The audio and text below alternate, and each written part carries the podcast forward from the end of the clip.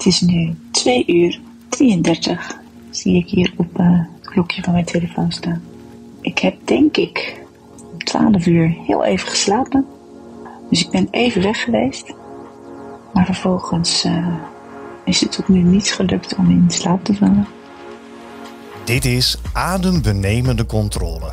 Een podcast over een astmatische beperking, revalideren in Davos en daarbij zelf de regie willen houden. Dit is aflevering 2. Welkom in Davos. Acht weken Davos. Dat klinkt goed. Lekker genieten van de imposante bergen, chocolade en de frisse berglucht. Volgens TripAdvisor moet je in Davos zeker gaan paragliden en bergwandelen. Barbara Wiesmeijer is zojuist aangekomen in Davos. Voor een verblijf van acht weken in het Nederlands Astma Centrum.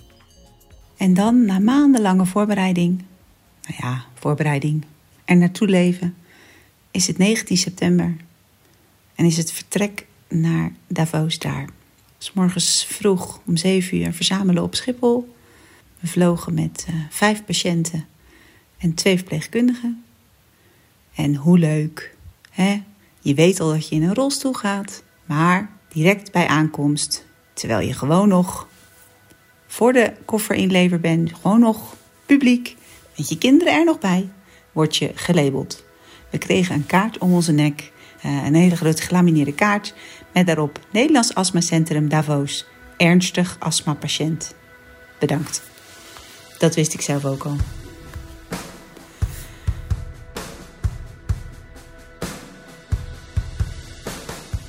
We gingen de koffers inleveren en daarna werden we naar een wachtruimte gebracht. Hebben een poosje eh, met elkaar gezeten, konden we een beetje met elkaar praten en wat kennis maken. En daarna kregen we alle vijf onze privéchauffeur met rolstoel. En gingen we naar de veiligheidscheck, met voorrang inderdaad. Er stonden hele lange rijen, maar wij mochten voor. Uh, toen moesten we een stukje verder. En op een bepaald moment gingen we een lift in. Uh, we konden niet tax-free shoppen, logisch. En na de lift stond er een elektrocar voor ons klaar. En zoals een van mijn medepatiënten zei: Oh, leuk. Nu gaan we in de, hoe noemen nou? Carnaval Festival. we zaten in twee elektrokarren met z'n zevenen. We werden zo naar de gate gebracht. Daar hebben we nog een poosje zitten wachten. En dan merk je wel direct dat je echt met astmapatiënten bezig bent. Want waar ik uh, nou ja, eigenlijk weinig last had, kregen twee anderen toch echt wel flinke benauwdheidsklachten. Eentje omdat hij gewoon al ontzettend benauwd was. Ja, en dan is zo'n reis heel vermoeiend. En de ander die had nog nooit gevlogen. Dus dat gaf wat stress. En stress geeft vaak ook weer astmaklachten. Maar ja, dan heb je twee verpleegkundigen bij je en dan zie je dat dat ook echt wel nodig is. Je hebt direct het idee van: oké, dit, dit wordt goed. Uh, er wordt goed naar mij gekeken of naar ons gekeken. Maar je merkt ook wel direct steeds dat je patiënt bent. Want voor we het vliegtuig ingingen, werd iedere keer gevraagd: hoe gaat het met je? Voel je je wat benauwd? Als je nu benauwd bent, neem dan nu je luchtwegverwijder. Want dat is beter dan wanneer we straks al in de lucht zijn. Uh, onze saturatie werd gemeten. Uh, dat werd tijdens de vlucht nog een keer of twee gedaan. Ook omdat je natuurlijk op hoogte bent en omdat de lucht eiler is. En tijdens de reis werd het gedaan. Net na het stijgen, vlak voor het landen en bij het landen weer. Dus ja, iedere keer die verpleegkundige. Saturatiemeter om je vinger. Ja, het maakte ook wel gelijk dat je in een stand komt en denkt: oké, ik geef me over.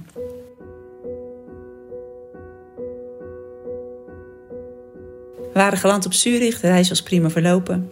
Daar stonden weer een aantal rolstoelen klaar ontzettend leuke man uh, die duwde mij, uh, maar ook een andere dame in een rolstoel. En wij dachten, moeten we een beetje helpen? Nee, maar we mochten nergens aankomen. En hij duwde echt twee rolstoelen. Het ging hem verbazingwekkend goed af. Uh, maar ja, dat was ook wel weer een soort van... Ja, grappig ook. Dat je denkt, ja... die man die duwt gewoon even twee rolstoelen. Is ook zijn werk. Doet hij, doet hij gewoon de hele dag door. En hij vertelde ook, hij zegt, ik word hier gewoon heel blij van. Want ik zei nog tegen hem jij hoeft helemaal niet naar de sportschool. Nee, hij zegt, ik hoef niet naar de sportschool. Maar ik, ben, ik heb en getraind en ik heb voldoening uit mijn dag. Want ik vind het gewoon fijn om mensen te helpen. Dit ging dan in het Zwitsers, wat ik niet zo heel goed verstond. Maar dit was ongeveer de strekking. Bij de bagageband aangekomen kwamen onze koffers als eerste op de band. Want zelfs daar was aan gedacht. dat onze koffers, uh, nou, die zijn dus blijkbaar als laatste het vliegtuig ingegaan. En waren dus ook als eerste op de band, zodat wij als patiënten zo snel mogelijk onze reis konden vervolgen. Toen stond er, nou het stond nog niet klaar, want het ging zo ontzettend snel bij ons, maar binnen een kwartiertje kwam het busje van het astmacentrum uh, het vliegveld oprijden. En stapten we met z'n allen in het busje. En dat was nog uh, nou, 2,5 uur rijden naar de kliniek. En onderweg uh, hebben we allemaal wat liggen soezen en wat liggen slapen. Maar zijn er ook al wat dingen uitgelegd. En toen kwamen we om een uur of drie in de kliniek aan. Waar we eigenlijk heel snel naar onze kamer zijn gebracht. Uh, waar we wat te eten kregen. En waar we eigenlijk binnen een uurtje bezoek hadden gehad van de verpleegkundige en van de longarts. Om te kijken hoe het met ons ging. Ja, je merkt gelijk die zorg. Daarna kregen we nog een korte uitleg. Uh, maatschappelijk werk kwam ook even op onze kamer. En uh, om kwart voor zes was het tijd om aan tafel te gaan. Dus toen zaten we er ineens helemaal in. Mijn naam is Theo van Zuilen. En samen met Barbara maak ik deze podcast over haar revalidatie in Davos. Via spraakberichtjes laat ze me weten hoe het met haar gaat en wat haar bezighoudt. Haar tweede audioberichtje uit Zwitserland ontving ik de volgende ochtend al heel vroeg. Het is nu 20 september. 2 uur 33 zie ik hier op uh, het klokje van mijn telefoon staan.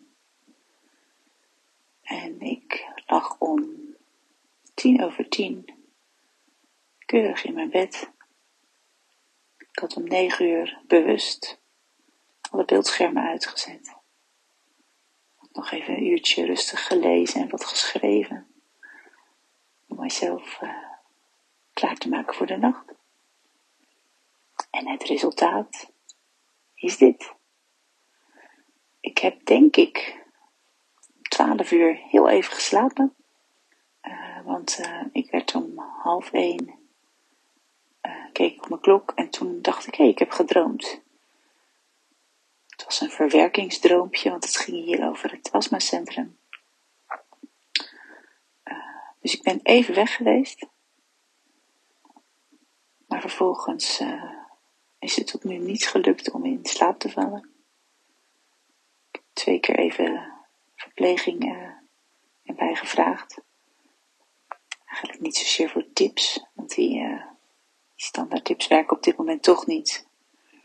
Uh, er is namelijk geen stress. Ik ben niet onrustig. Ik raak er ook niet van gefrustreerd. Ik heb net wel even een kopje kamillethee van haar gekregen. Ik denk dat dit het resultaat is van continu dat lijf aan de gang houden terwijl het eigenlijk zo moe is. En op een bepaald moment dan zegt het lijf, ik weet eigenlijk niet meer wat jij van mij wil. Mooi gesprekje morgen met de longarts en waarschijnlijk ook wel met de psycholoog. Want ik denk dat het zaak is dat we zo snel mogelijk dit patroon doorbreken. Of met grof geweld met slaapmedicatie, of misschien uh, op een iets mildere manier uh, heel duidelijke rustmomenten, slaapmomenten, actieve momenten. Maar goed, moet ik zelf wel de expert uithangen, maar dat is niet waarom ik hier zit. Maar een bijzondere gewaarwording is het wel. Als je iemand bent die eigenlijk altijd prima slaapt, en die dan nu uh, gewoon niet in slaap valt. Bijzonder. Het lijkt erop alsof mijn lijf in een iets wat meer slaapmodus komt paar flinke gapen net. Dus ik doe gauw de telefoon weg. Ik wil wel dit moment even delen, omdat het denk ik heel veel zegt over de aard van mijn revalidatie hier. En die is, eh, wat ik vandaag even heb gezien, toch wel anders dan de meeste andere revalidanten. Maar misschien praat ik voor mijn beurt. Poging uh, 46 om in slaap te komen. Dat rustte dan maar. Dat was de eerste nacht. De rest van de week bleef het stil uit Zwitserland. Maar op vrijdag ontving ik weer een audioberichtje van Barbara. Het was haar antwoord op mijn vraag wat ze allemaal in haar koffer van thuis had meegenomen om zich ook in Davos thuis te voelen.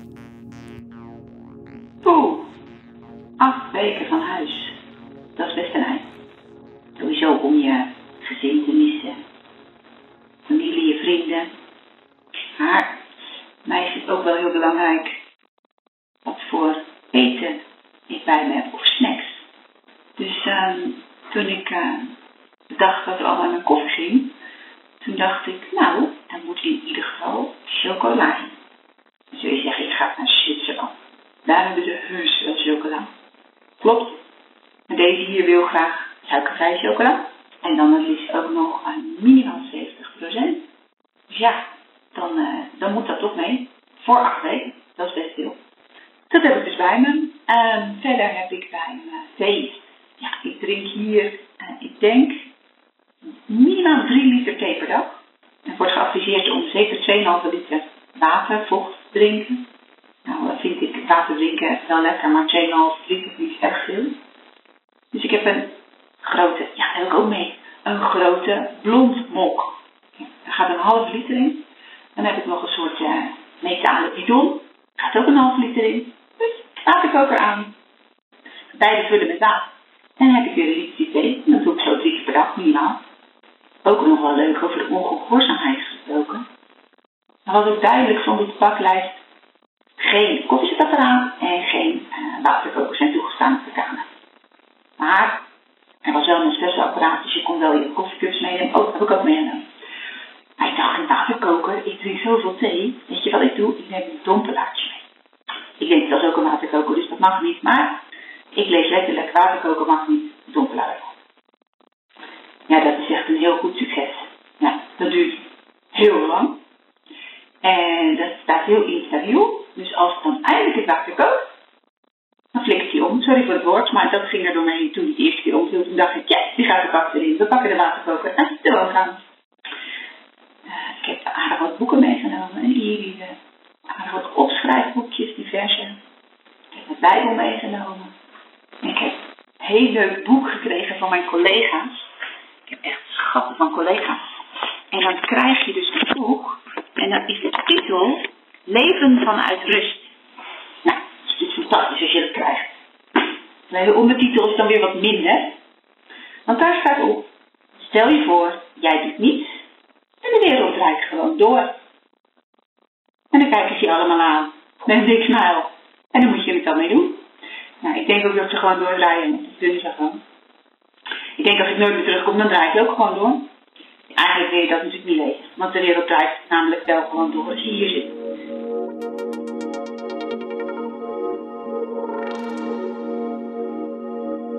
Vanmorgen mochten we voor het eerst de kliniek uit.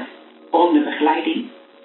Gingen naar de uh, Davos uh, stad, heet het geloof ik. Eerst gingen we naar de Davose Zee. We hebben een stukje, een stukje gelopen, een paar foto's gemaakt. Even wat uitzicht genoten. Toen een klein rondje door de stad. En toen werden we afgezet bij een plek waar we wat supermarkten waren. Zodat we even wat inkopen konden doen.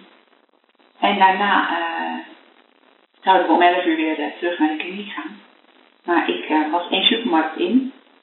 Daar kom ik al drie jaar niet meer in de supermarkt. Dus al die luchtjes en al die prikkels en al die, nou ja, wat dan ook, wasmiddelen, geuren. Dat is niet heel best voor mij. Dus, uh, en voor het eerst weer naar buiten en lopen. En dan merk je toch echt wel dat je heel benauwd bent. Dus we hadden uh, afgesproken met het groepje waar we waren dat we een kopje koffie zouden drinken bij de supermarkt, bij de koop. Want het was daar niet zo duur, hoorden we. En ik heb echt, ik denk 20 minuten de supermarkt gedaan en vervolgens een uur in dat restaurant gezeten. Helemaal op bizar. Dat je hier nu zes dagen bent. En dan eigenlijk nou ja, zo benauwd bent en zo moe.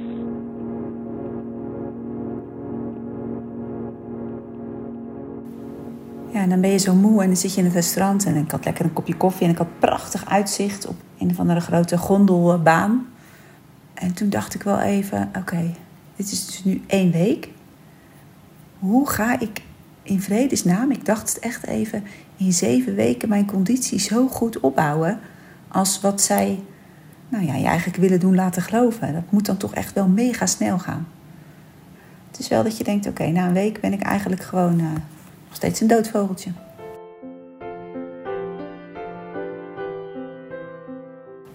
Toen kwamen we om uh, half twaalf of zo weer aan bij de kliniek. Toen ben ik uh, direct naar mijn kamer gegaan. Twaalf uur was lunch. Die heb ik overgeslagen. Ik had bij de supermarkt namelijk uh, wat dingen ingeslagen... waardoor ik zelf een heerlijke gezonde lunch kon maken. Meer gezond.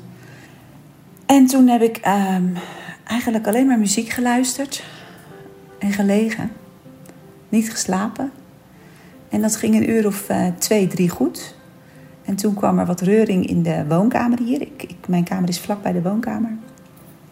En toen dacht ik, ja, ik, ik, ik moet er ook uit. Want ja, zij zitten daar nu en ik moet socializen. En hè, de teambeelder in mij, die dacht, we moeten een groep zijn en we moeten... Gisteravond hadden we spelletjes gedaan. Ik had dat initiatief genomen. Dat was hartstikke leuk. Toen dacht ik, ja, ik moet dat nu eigenlijk ook doen. En dat was echt een strijd met mezelf. Zo'n strijd dat ik op een bepaald moment de verpleegkundige even uh, vroeg om langs te komen. Dat, daarmee ben ik trouwens echt al een, een, uh, een grens overgegaan. Gewoon in je bed liggen en dan het in je hoofd durven halen om de telefoon te pakken en de verpleegkundige te bellen. Maar ik doe het. Best knap. en gek. Ik zeg, wat is dat? Dat ik dat niet uit kan zetten. Dat ik gewoon nu denk, nee Bar, jij bent nu niet belangrijk. Zitten daar mensen op de gang en die vinden het misschien hartstikke leuk als jij er even heen komt. Dus ga daarheen. Gelukkig kan de verpleegkundige, kon het redelijk uit mijn hoofd praten, dus ik kon er wat liggen, maar het zakte niet af. Dat socializen, dat teambeelden, dat zorg dragen, dat is niet wat ik doe, dat is wat ik ben. En dat is ook wat ik vind dat mijn opdracht is. Maar die opdracht van nu even voor jezelf zorgen, die is veel belangrijker. Maar mijn hoofd wil daar nog niet aan. Na anderhalf uur de volgende verpleegkundige. Weer een praatje. Hield ik het weer even vol. Ja, en toen heb ik uh, gewoon twee hele goede vrienden eventjes uh, laten coachen. Eigenlijk één, maar ik had er drie een appje gestuurd. Dus een van de andere twee die ik niet had gesproken, die stuurde toch ook nog even een berichtje. Kan ik nog wat doen? Ik had eigenlijk alleen maar gestuurd, ben je thuis? Dus de eerste die reageerde, die uh, heb ik even mee uh, gebeeldbeld. En uh, die trok me er aardig doorheen. Mensen die je zo goed kennen en die weten wat je kracht en wat je talent is. En die ook weten dat je dat talent nu juist even niet moet gebruiken. Het draait nu echt alleen om mij. Bijna om mij, want helemaal uitzetten gaat niet. En is ook niet leuk en word ik ook niet blij van. Dus vanavond heb ik, of course, een spelletjesavond georganiseerd. En wie die komt, die komt. En volgens mij komen er een stuk of tien. Dat is best veel van de 17. Ik ga er heerlijk van genieten. Tot later.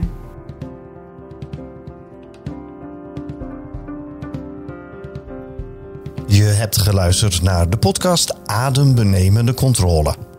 Wil je reageren of heb je een vraag aan Barbara? Stuur dan een berichtje naar bwiesmeijer.gmail.com. Meer informatie vind je in de beschrijving. Deze podcast werd gemaakt door Theo van Zuilen en Barbara Wiesmeijer. Met dank aan patiënten en personeel van het Nederlands Astmacentrum Davos.